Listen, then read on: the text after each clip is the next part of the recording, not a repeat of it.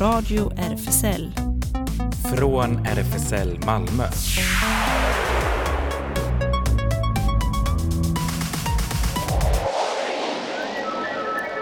Välkommen till Radio RFSL, Riksförbundet för homosexuellas, bisexuellas, transpersoners, queeras och intersexpersoners rättigheter. Ellen heter jag bakom teknikbordet och på andra sidan glaset. Hej Claes! Hej hej, här sitter jag. Glad och munter trots det dystra vädret vi har. Ja, precis. Men det, vi, vi sa precis att vä, eh, det blev bättre precis lagom till att vi skulle hit. Ja, Det, och vi kan ju vara glada att vi inte har det som i Norge. Där har de haft jätteproblem. Kraftverk har översvämmats och bajsvatten rinner ut överallt. uh, yikes. Uh, ja. ja. Vi är förskonade. Ja. Och eh, vi har jättemycket i programmet. Knökfullt är det med roliga grejer. Mm. Eh, bland annat så eh, ska vi snart få höra Lou Mattei som du träffade i måndags var det va? Igår. Igår var det. Mm. Eh, grundare av eh, eh, Page 28. Hon ska berätta om det queer-litterära priset Prisma som hbtq-bokhandeln nyligen instiftat tillsammans med Bögbibblan. Ja, och sen har vi sett filmer, både du och jag. Vi ska recensera dels eh, Disco Boy som jag såg och du Tsumo, eller hur det uttalas. Just det, dokumentären Tsumu, vad drömmer du om såg jag igår. Mm. Och sen ska jag prata om Copenhagen Opera Festival. Åh, jag vill gå på allt! Ja, fullspäckat där med, med Ja. jättebra, intressanta grejer. Och en till festival, fast lite närmare. Malmöfestivalen ska vi också eh, tipsa lite om också, några programpunkter. Ja, det är ju späckat program där också verkligen. Ja, och så, och så nyheter och det händer. Så att eh, vi, vi får köra igång här och eh, med anledning av eh, litteraturpriset kanske passande med Words.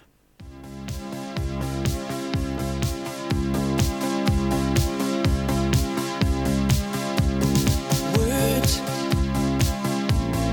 don't come easy. to- Don't come easy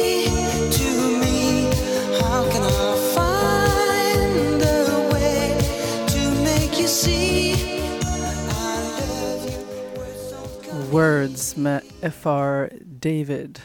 Ja, en gammal klassiker verkligen. Är det.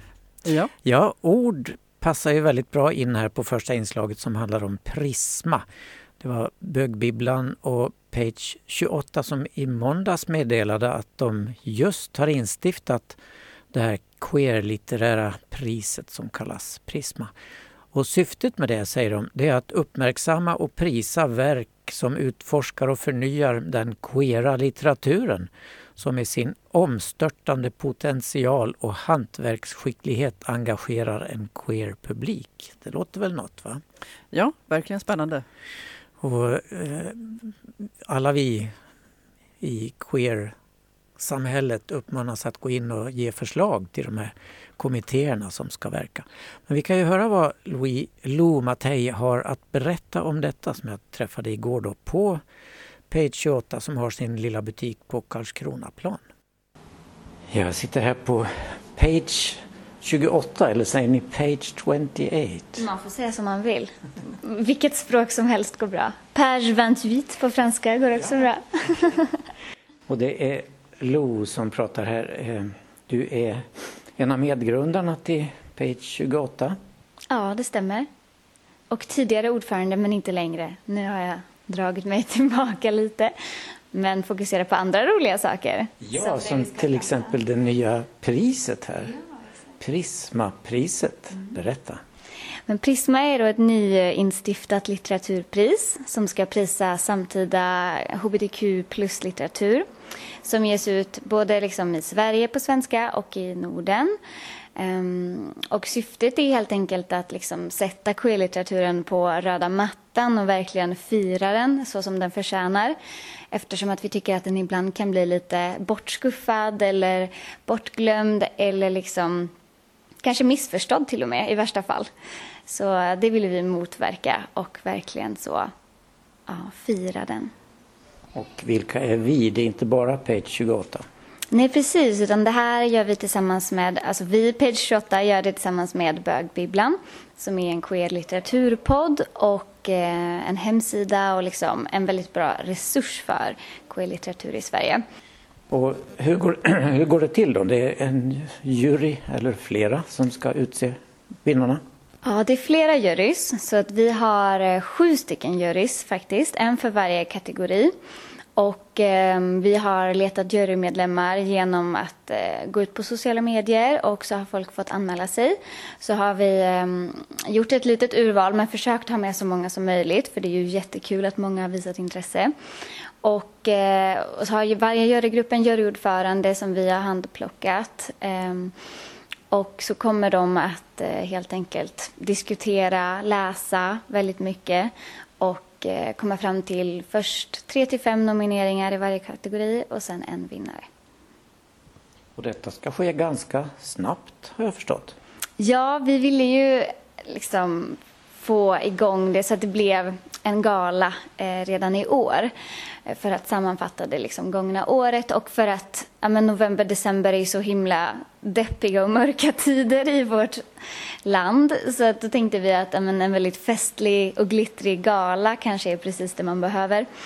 Och eh, så har vi satt då den 11 december som galans datum. Och var ska galan äga rum då? Malmö Opera eller något sånt? Det kan nästan vara så. Jag tänker att vi håller den, eh, suger lite på den karamellen så kommer det att, eh, att avslöjas snart. Men tänk storslaget så har du nog landat rätt. Det låter spännande. Eh, det är ju en, ett pris. Vad är priset då? Semester på Bahamas eller? Jag önskar att det var så som RuPaul's Drag Race när de har någon sponsor så är det så. En resa. Nej, men, eller, men vi har faktiskt tänkt oss en resa men i lite mindre format. För att det ska ju sägas att Prisma är ett helt ideellt projekt. Precis som Page 28 är en ideell förening och Bögbibblan också ett ideellt projekt. Så vi, vår budget är inte den största.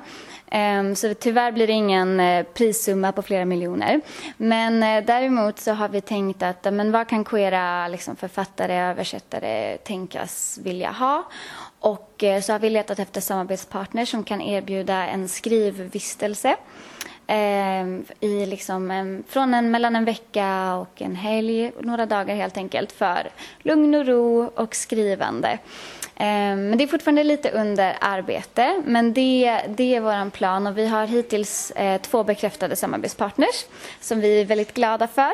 Så då är det Borkhult Lapphem i Östergötland som är ett eh, café eh, och eh, eh centrum, får man nästan säga eh, i Åtvidabergs kommun, shoutout.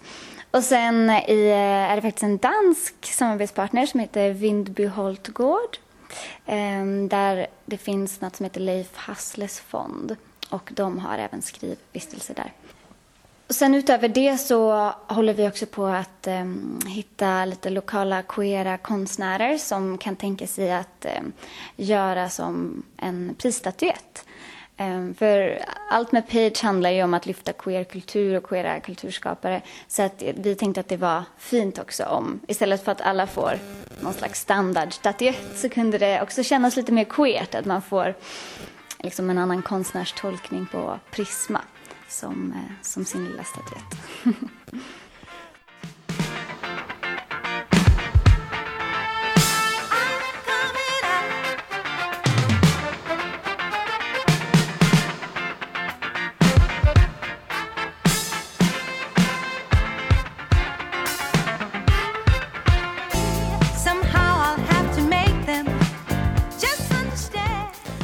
det var Diana Ross med I'm coming out. Och nu lämnar vi ordet igen till Lo Mattei på page 28. Eh, och det här ska vara ett årligt återkommande event. Mm, det är vår förhoppning. Och det är också det därför liksom det här året har rivstartat så att vi ska kunna komma igång och sen eh, förhoppningsvis kan börja planera lite längre i förväg nästa år. Och, eh, och så. Men det känns väldigt um, spännande. Det känns som att det, det behövs någonting som liksom eldar på den queer-litterära scenen i Sverige och i Norden. Att det behövs liksom men att man visar intresse och att man visar förlag och författare att det finns många som är intresserade av de här berättelserna. Och, eh, och liksom så att själva, mm, ja, att själva skrivandet också utvecklas helt enkelt. Ja, tycker du att eh, förlagsverksamheten på hbtqia-sidan har vuxit väldigt mycket? Det finns fler förlag och fler författare som låter sig läsas och sådär.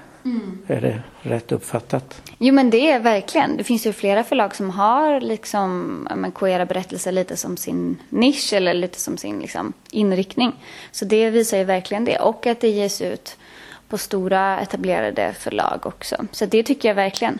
En sak som vi har som mål med Prisma också framöver, som kanske kommer vara lite mindre just i år, men det är den här nordiska eh, gemenskapen och att kunna skapa liksom, kontakter mellan de olika nordiska länderna, både liksom, litterärt och liksom, queert. Att vi, eh, vi har väl känt att så här, man har inte så, eller man, jag känner att jag har inte så bra koll på andra nordiska länders hbtq-historia till exempel. Eller queer-litteratur. Och det är ju väldigt synd eftersom att jag ändå helt okej kan läsa både danska och norska till exempel. Så att det borde ju finnas mer. Så varför, inte, varför har vi inte mer utbyte sinsemellan? Så det är också någonting vi verkligen skulle vilja stimulera med Prisma. Ett av priserna är ju årets nordiska verk så det kommer in där då också. Precis, så nu i år så har vi börjat med att ha en liten en egen kategori. Men vår förhoppning är att det ska kunna växa ännu mer och liksom genomsyra Prisma som pris. Men det kändes lite övermäktigt att nu första året kalla det för ett helt nordiskt pris. För det, ja, det är ju väldigt många språk också i en minoritets och majoritetsspråk i hela Norden. Så att vi täcker inte an den kompetensen just nu. Eh, Ja, de här eh, kommittéerna kommer väl att börja jobba nu då? Vill de ha förslag på böcker och sådär? Ja, men hemskt gärna. Det finns på vår hemsida, prismalitteraturpris.se, så finns det ett formulär där man kan nominera verk som man tycker passar. Eh, och då kommer vi gå igenom dem och läsa dem. Eh, så det går jättebra. Och man får också väldigt gärna följa oss på sociala medier där vi heter Prisma litteraturpris. Och på vår hemsida kan man även skriva upp sig på ett nyhetsbrev. Där får man då först information om till exempel när biljetter till galan släpps och nomineringarna och allt, allt viktigt att veta. Låter jättebra. Page 28 då, om vi avslutar med det. Hur går det för lilla bokhandeln? Jo, men det går bra. Vi har ju verkligen boat in oss här nu på Karlskronaplan. Men, eh, och påta på, eller vad man ska säga. Men det behövs ju alltid fler krafter, så om man vill engagera sig som volontär och då eh, arbeta i bokhandeln så går det att anmäla sig för det på vår hemsida. Och eh, vi gör ju massa olika kulturevenemang som man väldigt gärna får gå på. Så det, det går bra. Men vi vill alltid att fler ska komma och besöka oss och upptäcka oss och engagera sig.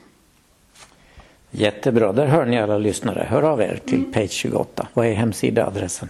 pagekulturscen.se Tack och lycka till med prisverksamheten och allt. Ja, tack så jättemycket.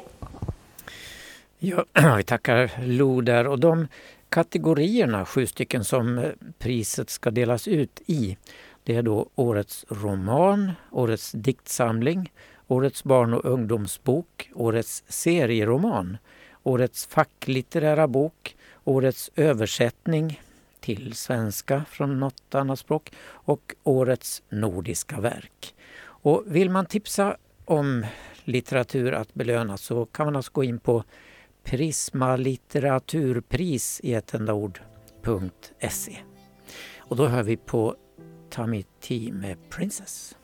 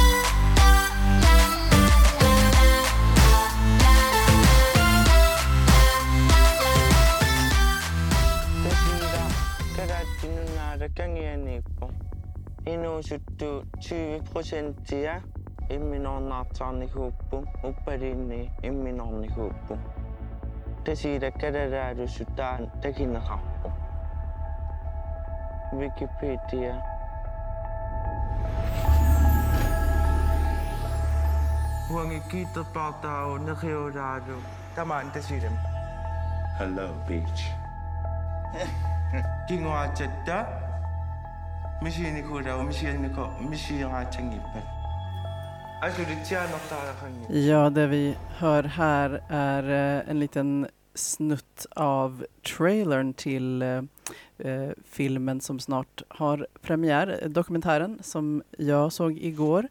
Tsumu, vad drömmer du om? Eh, och eh, där följer man tre unga vänner, eh, Lars, Eino och eh, Thomas som har vuxit upp tillsammans i Tasiilaq, den största staden på östra Grönland.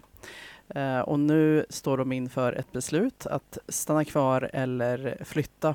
kan man läsa på Panoras hemsida där eh, premiären eh, äger rum, alltså nu på fredag den eh, 11 augusti. Och eh, stannar de så måste de ge upp sina drömmar. Eh, att flytta får stora konsekvenser för vännerna och familjen. Och Lars, Eino och Thomas är inte ensamma. Många av Grönlands unga befinner sig i en turbulent tid präglad av uppbrott från gamla traditioner och med nya möjligheter som hägrar. Delvis inspelad av ungdomarna själva med smartphones är filmen ett eh, drabbande och eh, självsäkert collage som effektivt avverkar föreställningar om kön och identitet. Jaha, Ja. kön och identitet. Är det Ja. något sånt som förekommer i filmen också? Ja, väldigt, eh, väldigt mycket får man säga. Eh, och eh, så att jag, jag sa precis att det här är en film som är högst aktuell för, för oss här på Radio RFSL kan man ju säga av, av många anledningar. Alla tre då som man följer, eh, framförallt Lars men också hans vänner Eino och Thomas är queera, eh, ungdomar. Eh, några går i gymnasiet eller är, ja, har, ska precis sluta. Eh, och eh, man, man följer dem. Alla tre är också engagerade i en teater, ett teatersällskap som eh, hela teatersällskapet, ja alla är väl inte queera som är med där kanske, men eftersom de tre som är drivande är väldigt tydligt queera och så, så, så eh, finns det med det väldigt um, eh, tydliga inslag av eh, könsidentitet och sexuell identitet finns också tydligt med i, eh, i eh, föreställningen som man får se att de repar inför. Vad är det Tsumo betyder då, som är i titeln? Eh, det har jag faktiskt inte klart för mig. Jag, jag tänkte att det var ett namn faktiskt, men eh, eh ja, jag eh, fick inte det klart för mig i, i, genom att se dokumentären, men det, det, kanske, det kanske man eh, kanske andra får som ser den. Men eh, eh, jag rekommenderar den verkligen och eh, den, den är ju verkligen gripande, också hjärtskärande får man säga. Uh, för att uh, en sak som ja, framgår redan i, i trailern, så det blir ingen spoiler här, men uh, som, är, som är verkligen sorglig, det är att systern till Lars, som man främst följer då, tar sitt liv och hon har två små barn eh, som då ja, blir helt utan förälder för att det verkar som att ja, det inte fanns någon annan förälder med från början så att det var systern var ensam med, med barnen från början och nu är de helt utan förälder. Eh, och eh, Lars mamma är alkoholiserad sen, sen länge eh, och eh, ja, han liksom eh, Eino och Thomas och många ungdomar har verkligen haft det tufft under sin uppväxt. Det, den här orten den är ju väldigt liten och, och väldigt många har, befinner sig i ja, in, arbetslöshet och eh, alkoholism är väldigt, väldigt utbredd och även eh, sexuella övergrepp. Eh, väldigt eh, eh dyster statistik på alltså väldigt hög andel av barnen som, som har utsatts. Eh, och, eh, och det är väldigt vanligt också att, att när, när föräldrar, ja kanske på grund av alkoholism då inte längre kan ta hand om sina barn eller att en förälder har, som i det här fallet då, eh, tagit sitt liv så om det inte finns någon annan vuxen närstående så, så hamnar de, eh, det är vanligt att, att myndigheterna griper in och placerar dem på, på barnhem. Eh, och eh, det uttalas väl inte tydligt i, i dokumentären här men, men barnhemmen har också Eh, ett eh, ganska dåligt rykte, jag måste få säga, liksom vad gäller eh, att barn utsätts också eh, där. Så, eh, så det, eh, ja, men samtidigt så, så blir ju deras gemenskap desto viktigare eh, då, eh, de här ungdomarna och unga vuxna när de går igenom det här och Lars när han mister sin syster då så har han eh, stöd av Eino framförallt som är eh, den mest drivande i teatersällskapet. Eh, och eh, ja, det, man, man ser också många scener av hur, hur de, de är ju väldigt, väldigt fina mot varandra och stöttar varandra och eh, de har inom den gruppen har de i alla fall utrymme att ha icke-normenliga könsuttryck och, och liksom, ja, med varandra och i, och i de här, ehm, när de repar med teatersällskapet så kan de eh, prata väldigt öppet om eh, allting. Eh, det är en väldigt eh, stöttande miljö. Så ja, så jag, jag rekommenderar verkligen. Jag är också imponerad av att det är, så pass unga människor också. Att de, eh, att de dels eh, kan visa så mycket eh, av sig själva medans det händer också. För att under film, till exempel att systern tog sitt liv, det, det lär ju inte ha varit planerat under filminspelningen, så det, var- men det fick ju vara med också. Det låter som en mycket intressant dokumentär. Ja, verkligen. Jag har ju sett en film som inte är dokumentär direkt, som heter Disco Boy. Och det är ju helt andra associationer än det vi får se på biograferna i stan här när den har premiär på fredag, en fransk film med detta. Vi får vara med om en dramatisk flykt genom Europa, ett eh, träningshelvete i franska främlingslegionen, ett ännu värre helvete för soldaterna när de till slut kommer ner till Afrika och det ultimata helvetet för lo- lokalbefolkningen i floden Nigers deltaområde i Nigeria. Svårt plågade som de är av totalt hämningslös industriell oljeutvinning. En film med väldigt många olika bottnar helt enkelt. Och det är vitryssen Alexei som är fantastiskt skickligt spelad av den tyske skådisen och dansaren Franz Rogowski. Det är han som tillsammans med en kompis listigt flyr från sitt land, Vitryssland, förklädda till fotbollssupportrar. Kompisen omkommer dessvärre när de på natten simmar över en gränsflod till Tyskland. Men Alexei kämpar sig vidare och lyckas ta sig till Främlingslegionens värvningskontor i Paris. Han antas och träningen är hård och brutal men ändå med en mänskligare ton jämfört med liknande vedervärdiga skildringar från USA. Det brukar ju vara vrålande korporaler och sånt där som hade lite grann så, men inte så mycket. Och samtidigt får vi inblickar i hur en befrielserörelse i Afrika i Nigeria kämpar för sitt folks överlevnad och hållbarhet mot den hänsynslösa exploateringen av naturen i deras floddelta. Ledaren för gruppen, Jomo, spelad av Mor Ndiaye, eh, krångligt namn. Eh, han är karismatisk och stilig men vill egentligen hellre dansa på nattklubb i Paris och därför kallas han discoboy. Eh, han dansar gärna tillsammans med sin lika dansbegåvade syster Odoka spelad av Letizia Kai. Så småningom möts Alexei och Jomo i en fight som slutar med att Jomo dör. Men den svarte mannens själ letar sig på något konstigt sätt in i sprickorna i vitryssens trasiga själ och det blir något som förändrar Alexejs liv radikalt. Filmen är otroligt skickligt filmad av franska Hélène Lovar och lika skickligt både klippt och regisserad av debutanten Giacomo Abruzzese som också delvis har skrivit manus. Man sugs ohjälpligt in i den här filmens magiska värld. Det hemska i flykten genom Europa och sen i soldaternas hårda värld den fruktansvärda exploateringen av afrikanernas värld ställd mot deras traditionella liv med enkel livsföring och dans och till sist det extrema livet på nattklubbarna i Paris med helt annan slags dans. Men där Alexei och Jomos syster till sist hamnar och förenas i en extatisk dans.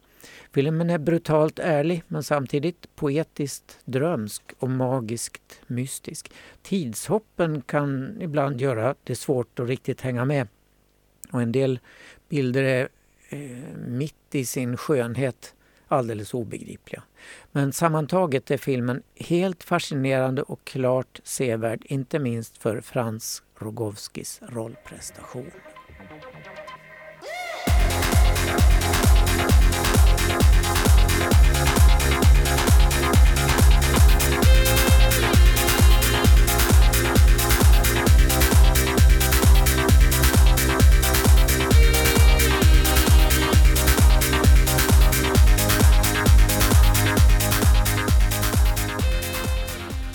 Disco Boy med Vitalik från eh, soundtracken till filmen. Ja just det, det var huvudtemat i filmen.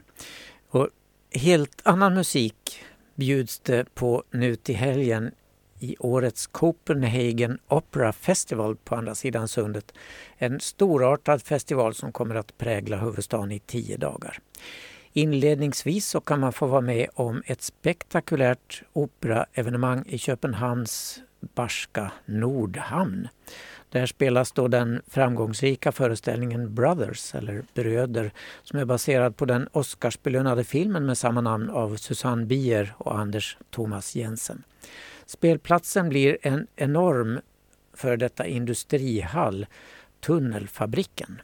Förvandlingen inleddes förra veckan och sägs bli en omskakande upplevelse bara den. En gripande och intensiv operaupplevelse väntas när den kritikerrosade och prisbelönta operan Brothers alltså sätts upp i den råa och unika miljön på tunnelfabriken i Nordhamnen. För musiken i denna berättelse om förödande krigstrauma, alienation och förtigande svarar faktiskt Malmö operaorkester tillsammans med körsångare från isländska operan plus en rad strålande internationella solister. Och operan Brothers får premiär på fredag kväll och spelas även på lördag och söndag. Och vi ska se den så vi ska recensera den här i radion nästa vecka. Men Operafestivalen i Köpenhamn är så mycket mer än ett antal operaföreställningar. Den kommer att prägla hela huvudstaden i tio dagar. En del kostar inträde, men mycket är gratis. Som till exempel öppningskonserten på lördag klockan 20 på festivalscenen. Och den finns på den Röda plats, eller Röda torget på Nörrebro. Där visas också, alldeles gratis, på söndag föreställningen Carmen i upplösning eller Åtta förutsägbara steg till partnermord. Operaälskare överallt upplever ju hur Carmen dödas av sin svartsjuke ex-pojkvän Don José. Men det är ett öde som Bizets berömda huvudroll tyvärr delar med många kvinnor även i vår tid. I verkligheten dödas en kvinna av sin partner runt om i världen var tjugonde minut dygnet runt. Det är ju förskräckligt. På onsdag kan man se, se föreställningen Opera, The Opera. Och där kan vi få uppleva hur humor, intriger och melodram kolliderar i en vansinnig show om vad som händer bakom scenen innan ridån går upp. Också gratis på festivalscenen. Och nästa lördag blir det världspremiär för den omskakande minioperan The Yellow Wallpaper, den gula tapeten. Vi får känna av hur en tvångsisolerad kvinnas brinnande begär efter frihet gör luften svavelgul av klaustrofobi. Och det utspelas på teatern Avenue T på Fredriksberg. Bland alla övriga festivalscener kan nämnas källaren under Operan, tidigare fängelset i Albertslund, Börsen, Kristians eh, Kristianskirke samt både konsertsalen och glassalen på Tivoli. Och hela programmet finns på sajten operafestival.dk. On est bleu de lui seulement pour 48 heures. D'abord on s'affilie, ensuite on se follow, on en devient fêlé et on finit solo. Regarde à toi. Et à tous ceux qui vous like, les sourires en plastique sont souvent des coups d'hashtag. Regarde à toi. Ah les amis, les potes ou les followers, vous faites erreur, vous avez juste la...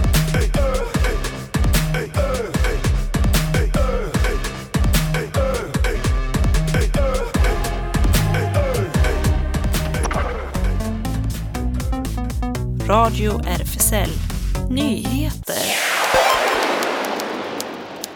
Ja, vi förflyttar oss från Stromaes version av Carmen till nyheterna i Sverige börjar vi med.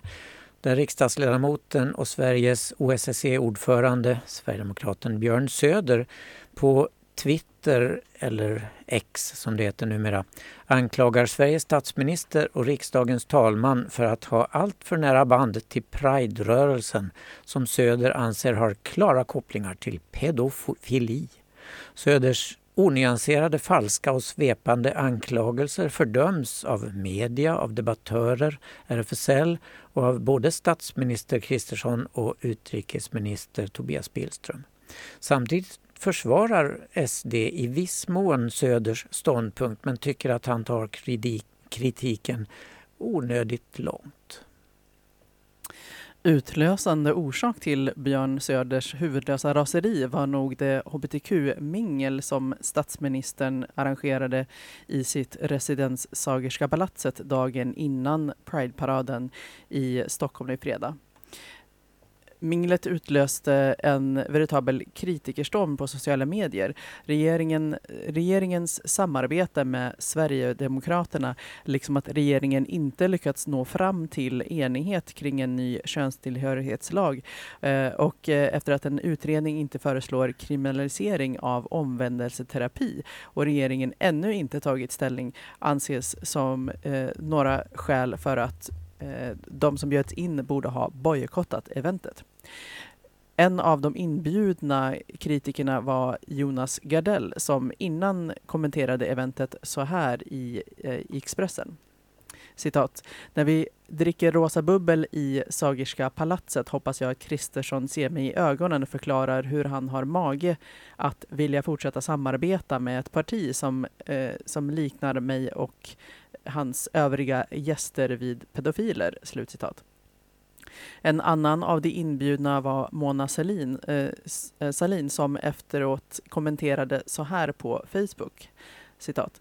Jag valde att fråga om hur och inte om han kommer att ta det starkaste avståndet från Björn Söder och SDs homofoba värderingar. Men att Pride-flaggan för första gången hängde och lyste i solen ovanpå statsministerns resident, eh, residens är såklart en viktig handling. Men mycket kvar innan politiken i det huset får någon respekt av mig. Slutcitat. Och I en debattartikel i nättidningen Arbetet idag frågar sig däremot eh, Thomas Hemstad vad vinner hbtq-rörelsen på att Jonas Gardell äter snittar med Ulf Kristersson? I Gardells krönika inför minglet skriver han flera gånger att han vet att Ulf Kristerssons engagemang är äkta utan att ge exempel på hur engagemanget ser ut, vilka resultat det haft. Det känns intimt. Lita på mig. Han är schysst, heter det. Han har gått i Pride-paraden och allt detta raljerar alltså Hemsta. Om någonting är citat oacceptabelt innebär det att det genast måste förändras. Men någon förändring har inte skett. Regeringens förhållande till SD är oförändrat. Att fördöma utan att handla kostar ingenting. Så är regeringen hbtq-vänlig? Är Ulf Kristerssons engagemang verkligen äkta? Ja, det frågar sig alltså Thomas Hemstad och man kan läsa hela hans kulturdebattartikel på arbetet.se. De svenska migrationsmyndigheterna avslår och utvisar hbtqi-asylsökande i strid med svensk och internationell rätt. Det visar en omfattande rapport som RFSL nu presenterar. En rättsskandal som pågår i det tysta bakom sekretess och tystnadsplikt, säger Aino Gröndal, asylrättsjurist på RFSL. Trots att Migrationsverket eh, sedan RFSLs förra rättsutredning släpptes 2020 har vidtagit en rad åtgärder har situationen för hbtqi-personer som söker asyl i Sverige inte blivit bättre. Avslag blev resultatet i hela 96 procent av de granskade besluten och domarna i den nya utredningen, vilket är en högre andel än i underlaget som RFSLs asylrättsjurist granskade 2020. Den nya rapporten visar även att de olagliga kraven i hbtqi asylärenden kvarstår. Det leder, leder till att hbtqi-asylsökande som har rätt till skydd i Sverige istället blir utvisade till länder där de riskerar förföljelse, tortyr och dödsstraff. Och man kan läsa mer och se hela rapporten på rfsl.se.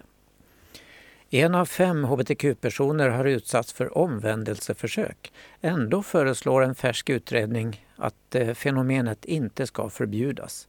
Nu rasar RFSL mot vad de ser som ett svek mot de drabbade. Så länge det här får fortsätta så begås det övergrepp på det här, de här barnen, säger Vera Linn Lanängen, Lanängen på hbtqi-förbundets Stockholmssektion i ett debattinlägg i tidningen ETC. Regeringens utredare förordade inte ett särskilt förbud mot omvändelseförsök i den utredning som eh, bland annat hade till uppgift att överväga kriminalisering av omvändelseförsök när den presenterades förra månaden. Omvändelseförsök kan leda till såväl fysiska som psykiska skador. Vi vill se ett särskilt förbud mot detta och är därför mycket kritiska till utredarens slutsats, säger Peter Sidlund Ponkala som är TF förbundsordförande för RFSL. Derek Boadi Sekui från Ghana, doktorandstudent i USA, har fått sitt stipendium indraget sedan han på Twitter avslöjas med hatiska attacker mot landsmän från hbtq-communityt. En ghanansk hbt-aktivist känd som Papa Kojo avslöjade attackerna sedan han hotats på sociala medier av Saki. Papa sökning visade att eh, Saki precis hade börjat ett, ett doktorandprogram i biologisk vetenskap vid Ohio Universitet, eh, University i USA bekostat av ett stipendium, rapporterar sajten African News. Stipendiet var främst avsett för medlemmar i hbtqia plus-communityt, sökande från den globala södern, första generationens studenter och personer med funktionshinder. Kodjo skrev till universitetet för att informera dem om hot hoten han fått från eh, Saki och bifogade andra kränkande och hatiska inlägg som Saki hade gjort mot hbtq-gemenskapen i Ghana. Svaret från universitetet visade att Sekis stipendium hade dragits tillbaka i väntan på en granskning. Citat, håll dig borta från progressiv finansiering och stipendier om du är en homofob. Ansök till Iran, Saudiarabien eller Afghanistan eftersom du tydligen älskar förtryck, skrev pappa Kodjo till Seki i ett inlägg på Twitter slash X. Dokumentärteamet på brittiska The Guardian meddelade igår att deras senaste film Beirut Dreams in Color förra veckan nominerats till en Emmy som enastående kortdokumentär i kategorin nyheter och dokumentärer. Filmen som gjordes förra året följer det framstående libanesiska bandet Mashro Leila och deras frontman Hamed Sinno som är den mest framstående öppet homosexuella rockstjärnan i hela arabvärlden. Eftersom hoten mot hbtq-communityt fortsätter att intensifieras i Mellanöstern och Nordafrikaregionerna hoppas teamet att nomineringen ska belysa deras svåra situation. Vinnaren tillkännages den 28 september. Storyn om Mashru Leila och den egyptiska aktivisten Sara Hegazi som dog i självmord 2020 avslöjar effekten av religiös extremism i Mellanöstern och utanför, säger dokumentärens producent Jess Gormley. Och så här låter Mashro Leila i Fasatin. تذكري كنت تحبيني مع اني مش داخل دينك تذكري كيف كنا هيك تذكري لما امك شافتني نايم بيت اختك قالت لي انسى عنك Mossa pelissä aerobaatteen ädda och hemgiftet måste, måste ner. Se keli edu aateen ja vesi taura kefen sete, kefen sete. Radio RFSL. Det händer. Ja, det händer ju så mycket både i RFSL och utanför. Men RFSL har i alla fall sina lokaler på Stora Nygatan 18 fast vi är under flytt på gång snart. Men för att få veta vad som händer så kan man kolla in våra sociala medier som Facebook och Insta. Och vår hemsida kanske uppdateras så småningom och då kan man titta in där också på malmo.rfsl.se. RFSL Malmö har öppet café på torsdagarna klockan 13 till 16 och seniorcafé på söndagarna också 13 till 16. Och Space Malmö har sommaruppehåll just nu men in, mer info kan man hitta på Space Insta-sida. Och Space ingår förstås i det nya nationella medlemsnätverket Aro ACE-nätverket. Syftet med det är bland annat främja bättre förståelse och inkludering av personer inom det aromantiska och asexuella spektrumet. Det går att bli medlem i nätverket genom att redigera sin medlemsinformation på medlem.rfsl.se. Och för att komma i kontakt med det nya medlemsnätverket så kan man mejla anna malmo.rfsl.se. Bi plus Skåne ordnar träffar för bi och pansexuella. Sommaruppehåll nu. Nästa ordinarie träff eh, i RFSL-lokalen blir lördagen den 9 september klockan 11 till 13. Newcomers har ju sin populära kaféverksamhet för nyanlända och asylsökande hbtqia-personer på fredagar klockan 15 till 19 och även träffar på måndags eftermiddagarna för sociala kontakter och juridisk hjälp. Och på onsdagarna träffar för hbtqia plus ukrainare som behöver en säker plats att träffas. Habitat Q, ungdomshänget, har sommaruppehåll till den 28 augusti. Kolla på Facebook eller Insta. Där är det snabbela habitat understreck Q och DMa för att veta när man ska träffas. SLM Malmö är ju en medlemsklubb bara för män oftast. Hemsida slmmalmo.se och de håller till på Sallerupsvägen 30. Och man kan kolla hemsidan för eh, där annonseras specialträffar av olika slag. I vanliga veckor så gäller det här schemat. Tisdagar är det pub öppen 20 till 24, dörren stänger 22. Lördagar är det klubb öppen 22 till 02 men dörren stänger vid midnatt. Och så har vi lite Malmöfestivalstips. Malmöfestivalen i år pågår alltså från eh, den 11 till 18 augusti. Eh, och eh, en punkt som jag såg äger rum på fredagen 12 till 13. Det är lunchkonsert med artisten Demi Ketch.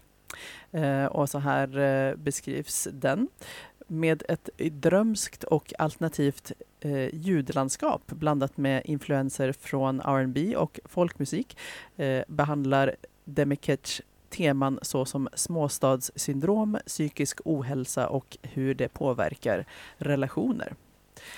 Ja, det låter ju bra. Ja. Och sen är det ju den stora kräftskivan på fredagskvällen som vanligt. Med hela Stortorget fylls med kräft, kräftor och dofter och grus i dojan och allt. Oj, hur har jag bott här så länge och det är första gången jag hört talas om Nämen. kräftskivan. Det är ju det som inleder varje år. Det är ett stående inslag alltså i Mal- Jajamän. Malmöfestivalen. Alltid. De sätter ut bord över hela torget. Höga bord som man får stå och äta där. Men folk kan ha med sig egna bord och alla som är där har roliga hattar och sånt där. Jaha, oj då. Ja. Ja, så här tio år in får jag veta detta. Ja, eh, på lördagen sen då 18 till 19 blir det välfärdsvisor på Malmöfestivalen.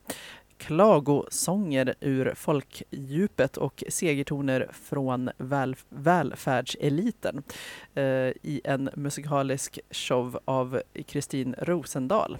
Välfärdsvisor utgör apatins motvikt med en osviklig tro, hopp och kärlek till folkets engagemang vill denna föreställning väcka funderingar, skapa debatt, debatt och dra ner byxorna på makthavarna. Alltsammans för, förpackat i oemot, oemotståndliga melodier som får även den mest benhårda politiska motståndare att, att sjunga med. Ja, ja. Vi går tillbaks till fredagen Eh, en liten stund. Klockan 19 på dansstationen så visar man vad som är på gång i danslivet just nu. Under en kväll visas flera olika verk där både internationella och lokala koreografer och dansare har möjlighet att visa precis vad de vill. Alltså dansstationen på Palladium, fredag klockan 19. och Drag Show med Club Mermaid featuring Elektra Eh, blir det söndag klockan 16 på gatuscenen. Malmös enda månadsvis återkommande dragshow fullproppad med lokal talang bjuder på kärlek, glädje och framförallt en enastående show. Och The Cowgirl Gallery, Girls Want Girls, DJs, DJ-set, är det söndag klockan 20.30 på Malmöscenen. Och det är bästisarna Thea Birde och Vera Stiglund som eh, skapar en fusion på scenen. Eh, och eh, nu ska vi se, nu blev det lite filmtips. Ja, vi ska nog se på, på spegeln blir det, ser vi snart förvisningen av Myrornas herre. Ja, det här är en gratis förhandsvisning som ingår i Malmöfestivalen faktiskt. Ja, den gör det ändå? Okej. Jajamän. Ja. Fast man får, Eh, kan inte beställa biljetter utan man får gå dit en halvtimme innan och då får varje person en biljett tills det är fullt. Aha, okej. Ja, beskrivningen lyder så här då. Eh, 1969, eh, 68 fängslas den italienska poeten Aldo Braibanti efter att, bruti, eh, efter att ha brutit mot fascisternas anti-gay-lagar. Hans partner skickas till sjukhus av sin familj för att eh, citat botas slutstat, med elchocker. Den eh, enda som vågar stå på Braibantis sida är en ensam journalist som tar, som tar på sig det otacksamma uppdraget att bekämpa samhällets skenheliga fördomar. Den låter väldigt spännande och den kommer ju på vanliga biograferna här om ett par veckor så vi kommer att recensera den filmen också naturligtvis. Men nu måste vi hinna med en liten låt innan vi avslutar för idag. Vad blir det? Ja, precis. Vi ska höra lite på eh, Orchestra Baobab eh, här med eh, Gin Mamma. Eh, De eh, uppträder också som del av eh, Malmöfestivalen. Det blir onsdag, nästa onsdag då 17 till 18 på stora scenen. Ja, kul! Tack för idag! Tack för idag!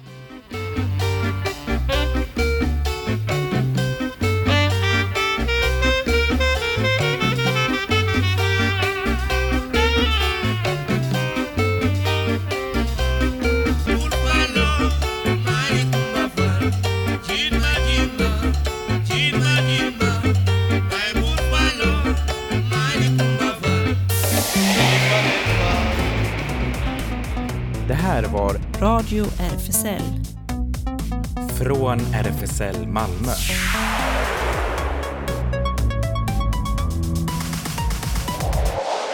Kolla in Radio RFSL på Instagram och Facebook för mer information.